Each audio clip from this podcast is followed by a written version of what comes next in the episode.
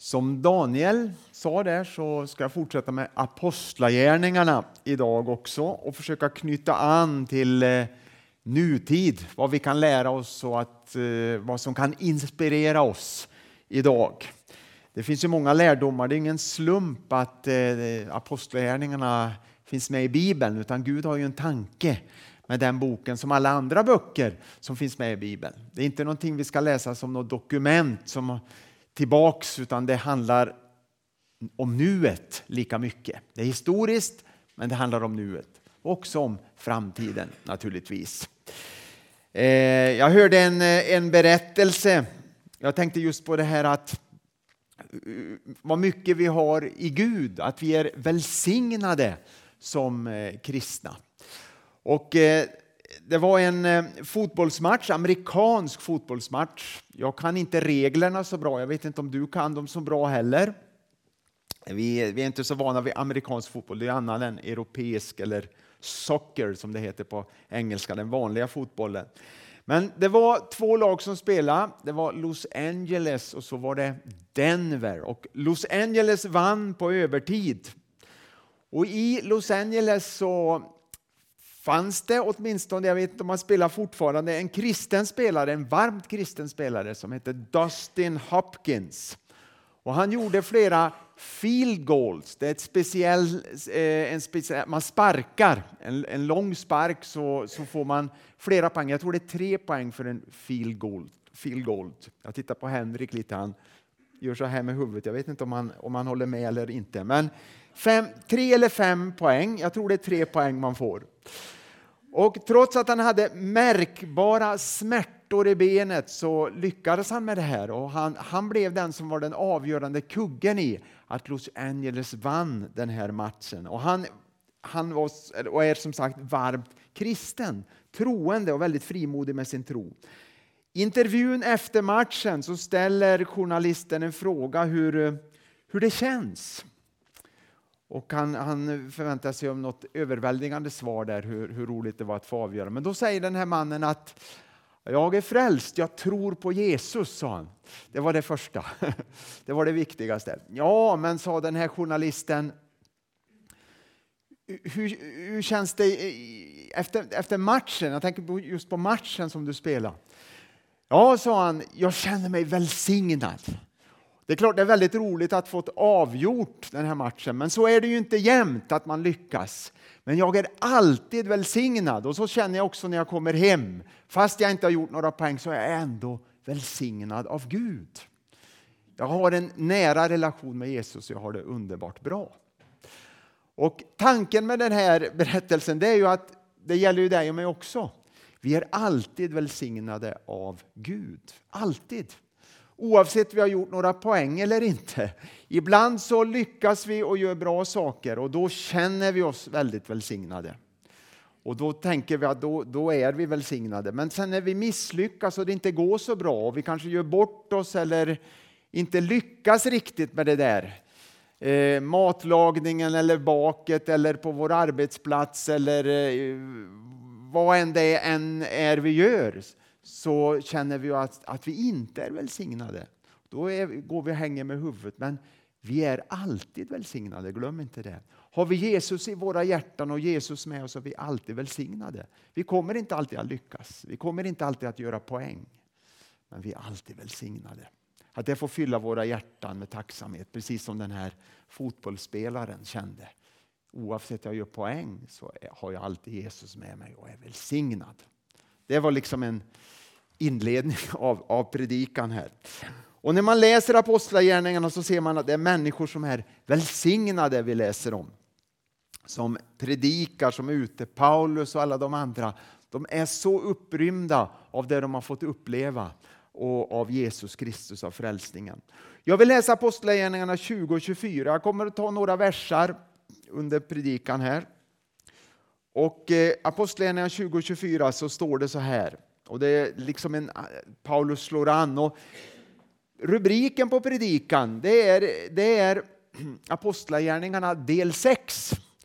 Och mission eh, har vi också som ett tema. Men det genomgående budskapet, det är det jag tänker på. eh, trosövertygelsen man hade, det genomgående budskapet. Trosövertygelsen som, man, som du hittar i Apostlagärningarna. Vad trodde man på? Vad var man övertygad om? Och Då säger Paulus så här. Men jag anser inte mitt liv har något värde för mig. Jag vill fullborda mitt lopp och det uppdrag som jag fått av vår Herre Jesus. Att vittna om Guds nåderika evangelium. Mm. Herre, välsigna ordet på våra hjärtan och hjälp mig när jag predikar det nu. I Jesu namn. Amen. Amen. Paulus fuskade aldrig utan det här var det som drev honom och han, han kompromissade inte med sitt budskap. Att vittna om Guds nåderika evangelium. Vi ska komma ihåg att eh, när vi läser Apostlagärningarna så var budskapet om Jesus, evangeliet, var ju någonting fullkomligt nytt. Man hade aldrig hört talas om det tidigare och aldrig sett någon kristen. Överhuvudtaget någon som levde som en kristen.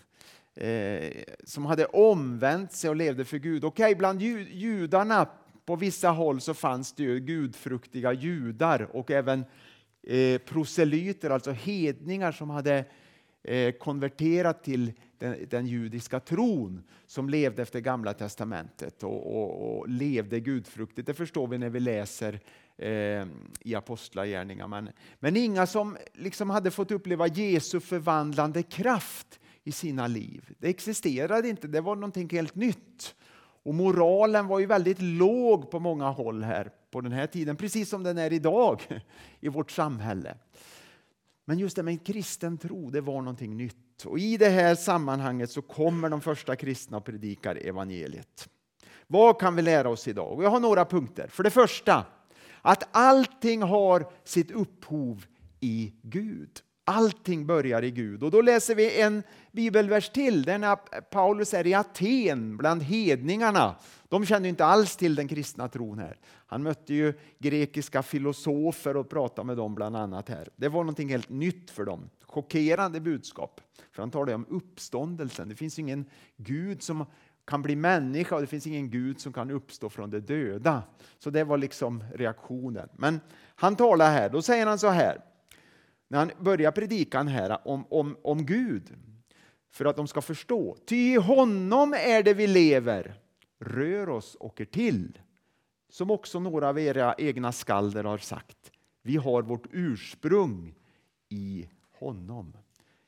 Allting har sitt upphov i Gud. Vårt ursprung har vi i Gud.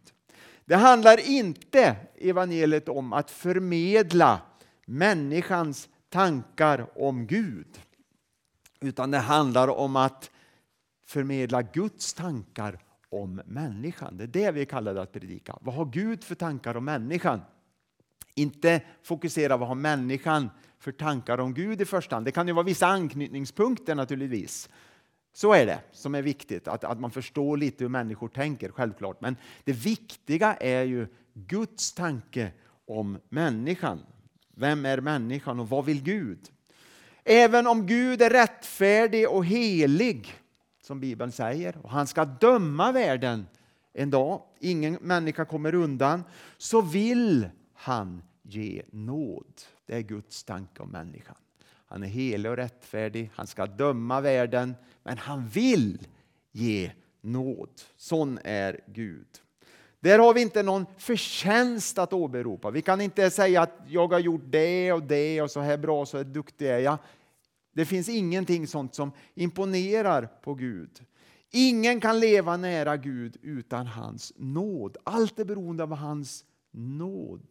För att han älskar oss människor. Och han är i sin karaktär, i sin person, en Gud som vill förlåta, som vill ge nåd. Gud vill alltid det. Men det är ju våra synder som hindrar Gud från att kunna förlåta. Det är ju det som är, det stora problemet. Den helige Ande, som vi ser väldigt mycket i Apostlagärningarna och som vi, vi, vi, också, vi upplever idag också hur han är med och leder oss. Han visar människan på behovet av Guds nåd. Han pekar i människans hjärtan, han visar att vi behöver nåd. Det är därför man kommer till tro och bestämmer sig att följa Jesus. Han drar människan till Gud. Den helige Ande drar människan till Gud. Det är inte vi som söker Gud i första hand. Vi famlar och, och, och, och så här va, i blindo många gånger. Men den heliga Ande som drar människan till Gud. Ingen kan komma till Gud utom att, förutom att den heliga Ande drar en människa till Gud. Det här är jätteviktigt. Och på grund av människans arv synden som, som kom in i, efter skapelsen så är vi förlorade. Det är inte på grund av våra handlingar i första hand. Så tänker människan ofta att jag har gjort det och det, därför är jag förlorad. Därför duger jag inte inför Gud och därför är jag en syndare. Man tänker så, men det är på grund av vårt arv. Och vi, om vi inte kan ändra, ändra på vår härkomst eller vårt arv, då finns det ingen chans till frälsning. Och det finns ingen människa som kan ändra på det. Vi är vad vi är, så att säga. Så att därför är vi absolut beroende av frälsningen, av Jesu död på korset. Det är inte våra handlingar som gör att vi är syndare, det är bara en frukt, handlingarna, utan det är vårt arv som det handlar om. Stötes, det är stötesten för människan på grund av att vi inte kan frälsa oss själva på grund av våra handlingar. Vi vill tillgodoräkna oss förtjänst, vi människor, det ligger i vår natur. Så i alla olika religioner och sekter som finns. Allt handlar ju om att samla poäng och göra sig förtjänt av någonting inför Gud och, och vara god eller göra bra saker och sträva på olika sätt.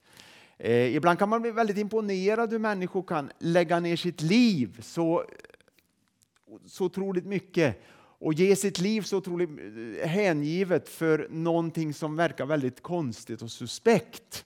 Men på något vis tillfredsställer det människan det här att man samlar poäng och, och, och, man gör bra saker för att förtjäna sin frälsning. Och det finns i alla, det ser vi i alla religioner och allt som inte är sann kristen tro. Det är bara sann kristen tro som presenterar nåden att, att det bara genom Jesus Kristus du kan bli frälst, inte på grund av gärningar.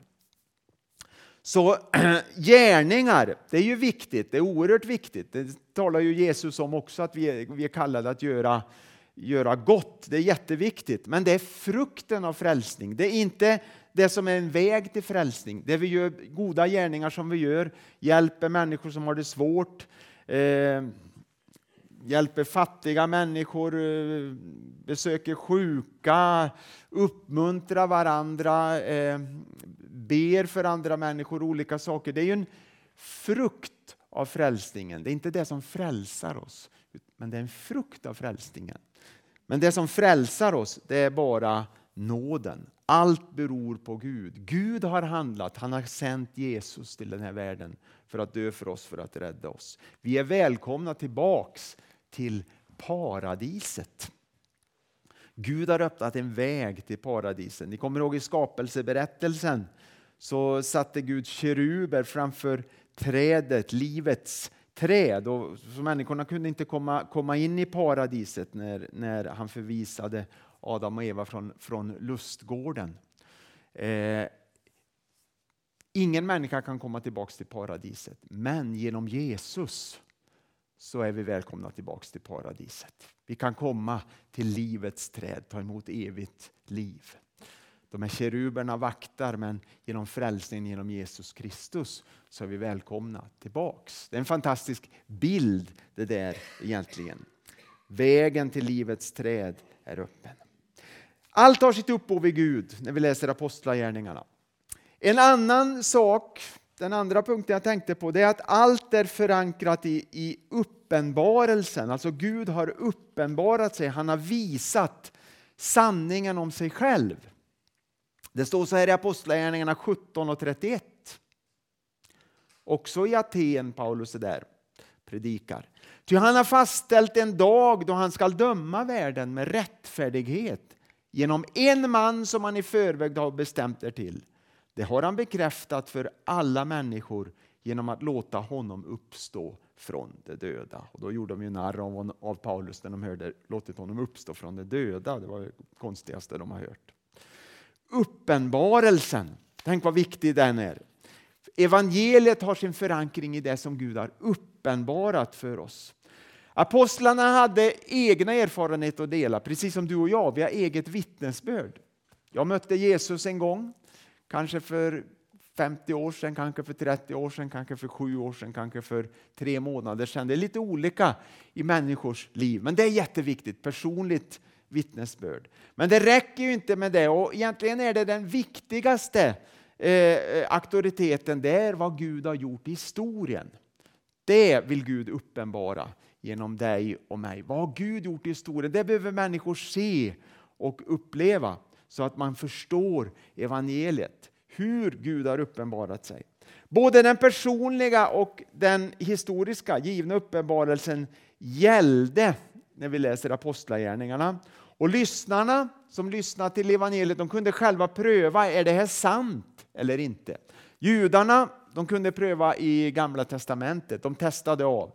Stämmer det här som de första kristna predikade, vad Paulus predikade, stämmer det? Så då läste de i, i eh, det, de, skriften de hade, det var ju Gamla Testamentet, och så kollade de av det. Stämmer det här att Jesus är Messias? Kan det vara så? Och En del kom fram till att det inte var så, men en del kom fram till att det var så. Så det är intressant. Så det, det, det var lite lättare kanske för judarna på ett vis. Samtidigt så var det svårt för dem också att, att ta emot evangeliet. Men de hade ju skriften, Gamla testamentet. Då. För hedningarna så var det andra referensramar som gällde. När Paulus är i Aten så talar han om eh, deras religiösa längtan till exempel. tar han upp. Att det fanns en längtan hos, eh, hos grekerna därefter efter Gud. Men de hade det altaret åt en okänd Gud om ni kommer ihåg i Apostlagärningarna 17. Och det fanns massor med avgudabilder. Det berättas i Aten att det fanns mer avgudabilder än det fanns människor. Så att eh, De hade väldigt mycket gudar och sådär. Sen knöt han an till deras filosofer och citerade. Det är intressant att, att det finns eh, citat av grekiska filosofer då i, eller, och skalder då i, i Bibeln också. Så det, det, kan man också knyta an till. Och sen skapelsen kan man knyta an till också. Det, det kan ingen förneka att det är en fantastisk skapelse som finns. och så vidare. Det finns olika saker man kan knyta an till, till de som inte känner till Bibeln och, eh, och eh, ja, på den tiden, men också idag. Och det är ju väldigt många människor som inte känner till vad det står i bibelordet. Men vårt ursprung är Gud, säger ju Paulus. Och eh, mitt vittnesbörd också, det är ju det är också väldigt viktigt. Hur mötte jag Jesus? Den heliga Ande uppenbarar, när jag visar på det här, uppenbarar han för människor sanningen i detta sanningen om eh, vad Gud har gjort i historien och sanningen om mitt personliga vittnesbörd. Att det, att det berör människor när jag pekar på det här. Och så föds tron in i människan. Och Det är också väldigt viktigt att komma ihåg att när människor får tro på evangelium, börjar tro att det här och se att det här är sant, så är det den heliga Ande som gör någonting i en människa. Det är inte att man, man liksom anstränger sig i, i sitt förnuft och liksom försöker pressa fram någon tro. Det, det håller inte och, och, och, det går inte. Utan man måste öppna sitt hjärta och så sker ett under och så kan man tro på ett övernaturligt sätt. Människor tror väldigt mycket att det gäller att prestera fram en, en, en, en tro. De tror, att, tror så. Eh, jag tänker på människor som inte är kristna. Då att, att man har en tro som man har. Alla människor har någon slags medfödd tro och så använder man den. Men den, den kommer man bara en liten bit på väg. Det, det, räcker inte till att ta emot frälsningen med den. Man kan, naturligtvis är det ett instrument som Gud kan använda, så är det ju. Men det är den övernaturliga tron som föds in i människans liv som förvandlar en människa. Det är den heliga Ande som gör det. Det är ett under att en människa ser det. Wow, det här är ju sant. Det är sant det här att, att Gud finns och det är sant att Jesus dog för mig, att han var Guds son. Jag ser det verkligen. Liksom. Det blir en inre uppenbarelse. Och så kan man också ta emot ditt och mitt vittnesbörd om man förstår att wow, det här är sant. Det liksom ta tag. Och det här kanske du, om du tänker hur innan du blev en kristen, så kanske det i alla fall en, en del här kommer ihåg hur det var när du när du hörde evangelien första gången eller när du, när du brottas med det här eller när du hörde ett vittnesbörd från någon människa som har tagit emot Jesus så, så var det den heliga Ande som verkade i dig. Det var inte din egen eh, eh medfödda tro först och främst utan det var anden som verkade och så öppnade du ditt hjärta och så föddes tron in i ditt liv. Centrum i, i, i apostlagärningarna, i budskapet, det var Jesus Kristus. Apostlagärningarna 18 och 28, då står det så här om Agabus. Eh, no, eh, nej, Apollos. Förlåt. Apollos. Aposteln Apollos. Och så står det så här, Apostlagärningarna 18 och 28. Ty han vederlade judarna energiskt och med stöd av skrifterna bevisade han inför allt folket att Jesus är Messias. Energiskt. Han var liksom, ah, han var helt övertygad. 100, 110 övertygad om att Jesus var Messias. Och han var, var full av energi och så bevisade han. Det måste vara väldigt kraftfullt. Det är ett kraftfullt ord att bevisa genom bibelordet. Jag, jag vet inte om du har försökt bevisa för någon någon gång att, att en människa ska tro. Det är, det är inte så enkelt. Och hur man använder ord och övertalningsförmåga så är det väldigt svårt. Men här, Apollos verkligen bevisade, han måste ha varit oerhört övertygad, totalt. Det fanns liksom inte ett uns av tvivel. Och så verkar naturligtvis den heliga Ande genom Apollos. Och det är klart, det var ju det eh, avgörande. Och så, så ser vi det i Apostlagärningarna att det helt dominerande i temat det är förkunnelsen om Jesus som Guds son. Allt sammanfattas i Kristus. Och I Fesebrevet 1 och 10 så står det så här. Att sammanfatta allting i Kristus, allt i himlen och på jorden, sista delen av versen där. Allt, att sammanfatta allt i Jesus Kristus. Den förkunnelse som förvandlade människor och som får dem att växa i tron leder aldrig förbi Jesus eller bortom Jesus. Och här kan vi komma till andra religioner igen, olika sekter. Hur kan man avgöra om någonting är sant eller falskt enligt Bibeln? Jo, det handlar om Jesus Kristus först och främst. Är Jesus i centrum? Eller går den här läran förbi Jesus på något vis? Eller leder den bortom Jesus? Och det här, det här är väldigt, väldigt tydligt. I alla avarter kan man säga, kristna avarter, så är det på något vis man, man, man tar en omväg runt korset på något sätt. Man kanske talar om det och, och talar om Jesus som, eh, som eh, Gud eller Guds son. Många gör inte det heller. De, de ändrar eh, även vokabulären där. Men, men man märker ändå rent praktiskt att Jesus får en undanskymd plats. Och då leder det alltid fel. Det här är ett väldigt tydligt kännetecken. Men när Jesus är i centrum och hans död och hans uppståndelse, och man talar om att han är sann Gud till 100 procent, inte 99 procent eller 50 procent, utan 100 procent, men också sann människa till 100 procent, då leder det rätt också. Då kommer vi rätt. Det här är väldigt viktigt och det visste ju de första kristna också. Det var därför evangeliet hade sån framgång. För det fjärde så är eh, var budskapet, nu ser Apostlagärningarna också, en man kan säga universell sanning. Det gällde alltid och överallt. Och Apostlagärningarna 20 så står det så här. Ty jag har inte varit rädd för att delge er allt som hör till Guds plan. Allt, säger Paulus, som hör till Guds plan. Det handlar inte om psykologi, Även om det kan vara bra i vissa fall, men det, det, det, var inte alls det som var i centrum. Det var inte att möta människors behov av bekräftelse som man predikade. Det var inte känslomässiga behov man tänkte på. Det här behöver människorna för de mår dåligt och så. Det är inte fel att tänka så till en viss del naturligtvis. Vi måste vara lyhörda för människor. Men det är inte det som är det viktigaste. Inte heller att presentera ett lyckligare liv. Det har man gjort väldigt mycket som kristen. Vill du bli lycklig och glad så ska du ta emot Jesus och bli frälst.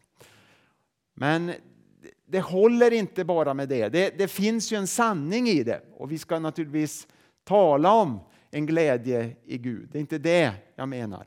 Men när det blir fokus för mycket på det, då leder det fel. För det är inte det som är centrum, utan utgångspunkten är att människan har kommit bort från Gud. Det var det man pekar på i Apostlagärningarna. Det handlar om liv eller död. Människorna förlorad utan Gud, utan Jesus. Det är inte psykologi i första hand, utan det handlar om ett, ev ett evigt liv. Gud har genom Jesus Kristus uppenbarat människans faktiska tillstånd plus den frälsning som finns till förfogande genom Jesus. Reaktionerna var ju skiftande naturligtvis, det ser vi i Apostlagärningarna.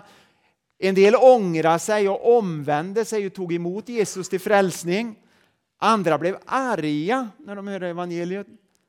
Andra blev glada när de hörde evangeliet. De reaktionerna fanns och de finns ju idag också, det vet vi. Men det här behöver betonas idag. Alltså att, att människan har kommit bort från Gud, att det, att det, det handlar om liv eller död. Och att Gud har genom Jesus Kristus uppenbara människans faktiska tillstånd plus den frälsning som finns till förfogande genom Jesus Kristus. Det är sanningar som aldrig går att rubbas på. Vi är borta från Gud, men det finns en väg och det är Jesus Kristus. Det är Jesus Kristus. Eh, det var en man som berättade en gång, han, han eh, växte upp och 50-talet så var han, var han ung. Det kanske ni kommer ihåg att det var lite så, men och jag vet inte om allt, allt var inte bra på den tiden, det är inte det, inte nostalgi jag pratar om här, men det fanns vissa saker som var väldigt eh, viktiga som vi har tappat. Och han sa att det var såna här väckelseserier och tältmöten han var på och så. Predikanten predikade, och det var vanligt sa han att det var så, predikanterna predikade om att det finns, ingen, alltså det finns en väg till frälsning, men människan är förlorad. Och predikan kanske lyfter fram mest det här att människan är borta från Gud. Alltså hon, har, hon är, hon är vil, vilse och hon är på väg att gå förlorad. Men på slutet, sa han i predikan, så öppnades ett liten, liten dörr på glänt, ett litet råtthål, sa han. Så man kunde tränga sig in. Och det fanns en chans att bli frälst. Alltså Jesus, Gud är nåderik och det fanns frälsning. Och så kom människor, många kom, för de såg att det finns ändå en liten chans. Man var övertygad om att man är förlorad, men sen öppnades en liten möjlighet. Och så kom han och grät och snora och snör, snörvla, sa han, och så tog han emot, man emot Jesus till frälsning. Och eh, det ligger någonting i det. Naturligtvis är det bara en helig ande som kan överbevisa en människa om frälsning. Men det behöver betonas idag, de här sanningarna. Det var en undersökning, Barnainstitutet i eh, USA, de gör ganska ofta så, och just när det gäller kyrkor och kristen tro och så här. Eh, och det här var bland kristna, allmänt. Eh, det var inte speciellt pingstvänner eller någon annan samfund, utan det var allmänt sådana som bekände sig till kristna, så var alla möjliga kyrkor och samfund. Men det är ändå en tankeställare hur eh, hur lite kunskap man har. Det här är USA, jag vet inte om, om, hur det skulle bli om man jämför det med Sverige. Men man frågade lite olika frågor och då var det 72 procent av de här som svarade de, de menade att alla människor är goda, inte syndare. Alltså 72 procent av kristna. Det är en hög siffra. Eh, vidare eh, att 40 procent sa att den heliga ande bara är en symbol. Han är inte en eh, person i gudomen utan bara en symbol. 9 procent sa, det här är ju skrämmande siffror egentligen, att vi är måna om att följa det som Bibeln säger. Att leva efter Bibeln. 9 procent av de kristna i undersökningen. Eh, 64 procent ansåg att alla religioner är lika. Eh, 58 procent sa så här att du, om du är tillräckligt god kommer du till himlen. Det är också väldigt höga siffror, 58 procent. Och 57 procent att karma är verklighet, en form av ja, hinduistiskt tänkande, och orsak om lagen om orsak och verkan. Alltså ett, ett visst hinduistiskt tänkande. Hur mycket vet jag inte riktigt, utan det var bara det att karma är verkligt, 57 procent. Så här behöver vi utmanas och påminna oss gång på gång om de, vad Bibeln säger, vad som är sant. Och jag tror mycket av det här beror på att man inte är, man läser inte Bibeln mycket och man är inte insatt i vad Guds ord säger. Till sist, En utmaning till omvändelse också hittar vi i Apostlagärningarna hur viktigt det var. Apostlagärningarna 2.38 så står det så här att Petrus svarade, och det är på pingstdagen, omvänd er och låt er alla döpas i Jesu Kristi namn så att ni får förlåtelse för era synder. Då får ni den heliga Ande som gåva. Omvändelsen. Detta är det goda budskapet. Det enda budskap som kan befria en människa, det är ju omvändelsen. Det finns ingen annan väg till befrielse. Budskapet får inte stanna vid att möta enskilda människors behov på ett känslomässigt plan, vilket det lätt kan bli i våra kyrkor. Vi måste omvända oss och tillåta Herren ta över våra liv. Det är inte populärt och kan lätt kanske missförstås också naturligtvis. Man måste förklara kanske lite mer, men det är när man säger att, ge, att låta Jesus bli Herre i mitt liv. Men det är någon annan som är Herre. Det, det i den moderna moderna samhälle och det individualistiska samhället. Det är inte populärt naturligtvis. Man behöver naturligtvis förklara vad det innebär. Men det är så att alla människor har olika herrar över sig fast man inte ser det. Synden i sig är ju en herre som styr människor. Alla människor är slavar under någonting fast många inte inser det. Men det är fantastiskt att ha Jesus som Herre som vill befria oss som vill lyfta av våra bördor, som vill lösgöra oss från saker som binder. Det är helt fantastiskt. Vi måste se det, det positiva det. Vi måste omvända oss och tillåta Herren ta över våra liv. Alla är älskade av Gud talar Bibeln om, men, kan inte alla bli, men vi kan inte bli räddade utan att omvända oss. Och när vi vänder oss till Gud vänder våra hjärtan till Gud. Det är ju det det handlar om, att jag öppnar mig. Sen kommer han in och så gör han verket. Det är ju Kristus som verkar i mig, säger Paulus. Då får vi en ny natur där vår egen prestige och tillbedjan av andra gudar får dö med Jesus Kristus på korset. Och så får vi bli återupprättade i ett nytt liv genom Jesu Kristi uppståndelse. Vi får dö och så får vi uppstå igen till ett nytt liv. Det är det som sker i mitt hjärta när jag omvänder mig och tar emot Jesus. Och, han, och, och Gud han beskär våra liv. Och jag ska avsluta med en berättelse. Eh, jag ska läsa en, en kort berättelse. Eh, som eh, Rick Warren, en amerikansk pastor, jag har några böcker av honom. Leva med mål och mening är en, en bok han har skrivit. Men det var en annan bok det här som han, jag tyckte var en så bra bild.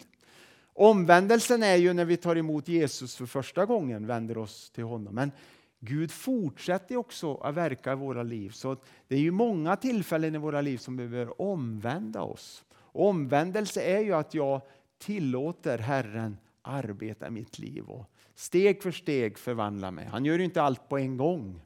Det skulle vi aldrig klara av, men steg för steg. Första omvändelsen det är när jag tar emot Jesus och säger ja, jag vill följa Jesus. Jag är på väg åt ett håll och så går jag och så bestämmer jag mig för att följa Jesus och då blir det ett hel, helt ny inriktning, en helt ny väg jag går. Det är första omvändelsen. Men sen fortsätter det ju att Gud verkar i mitt liv och jag får omvända mig på nytt och på nytt. Och Rick Warden han skriver så här. Jag har en granne som är expert på att odla rosor. Hans trädgård är oerhört vacker så jag bjöd in honom till oss för att han skulle trolla lite med rosorna i vår trädgård också. Det var fantastiskt att se på när han arbetade. Han kom med sin sekatör och gick ganska hårdhänt fram. Det gjorde ont i mig att se på när han beskar mina rosenbuskar. Klipp, klipp, klipp. När han var klar var det bara små stubbar kvar av mina rosor. Riktiga trädgårdsmästare kan berätta att de flesta är för försiktiga när de beskär sina växter.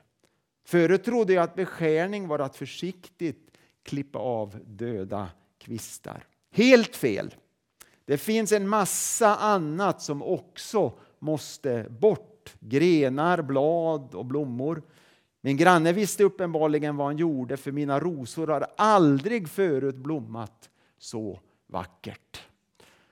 Och sen fortsätter han lite längre fram, jag har inte med allt som han skrev där, men längre fram skriver han så här. Det är inte bara döda kvistar som försvinner. Gud klipper ofta bort goda saker också för att vi ska må bättre.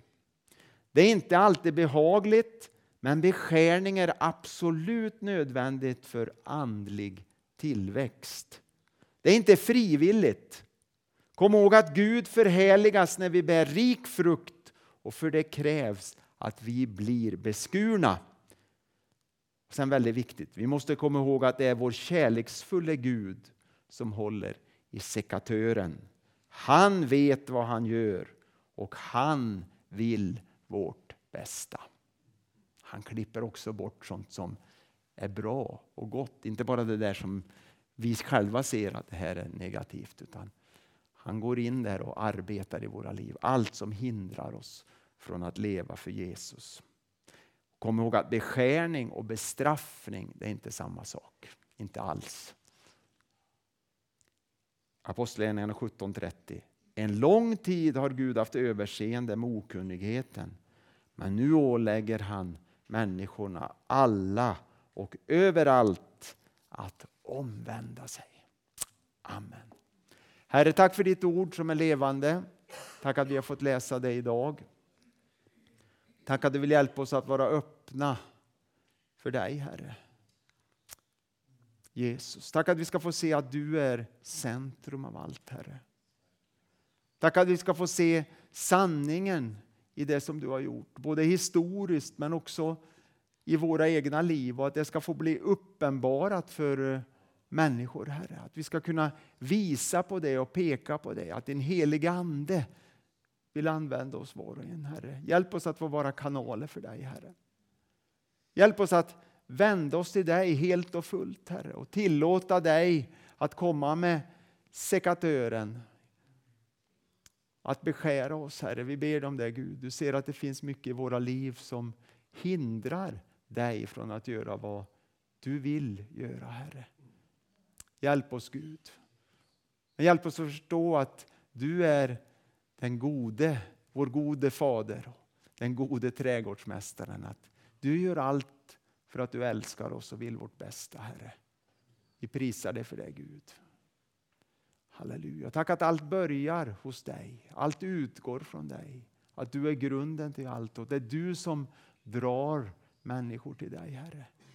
Tack för din heliga Ande som verkar. Och tack för vad du gör i våra liv. Vi prisar dig för det. I Jesu Kristi namn. Amen. Amen. Amen.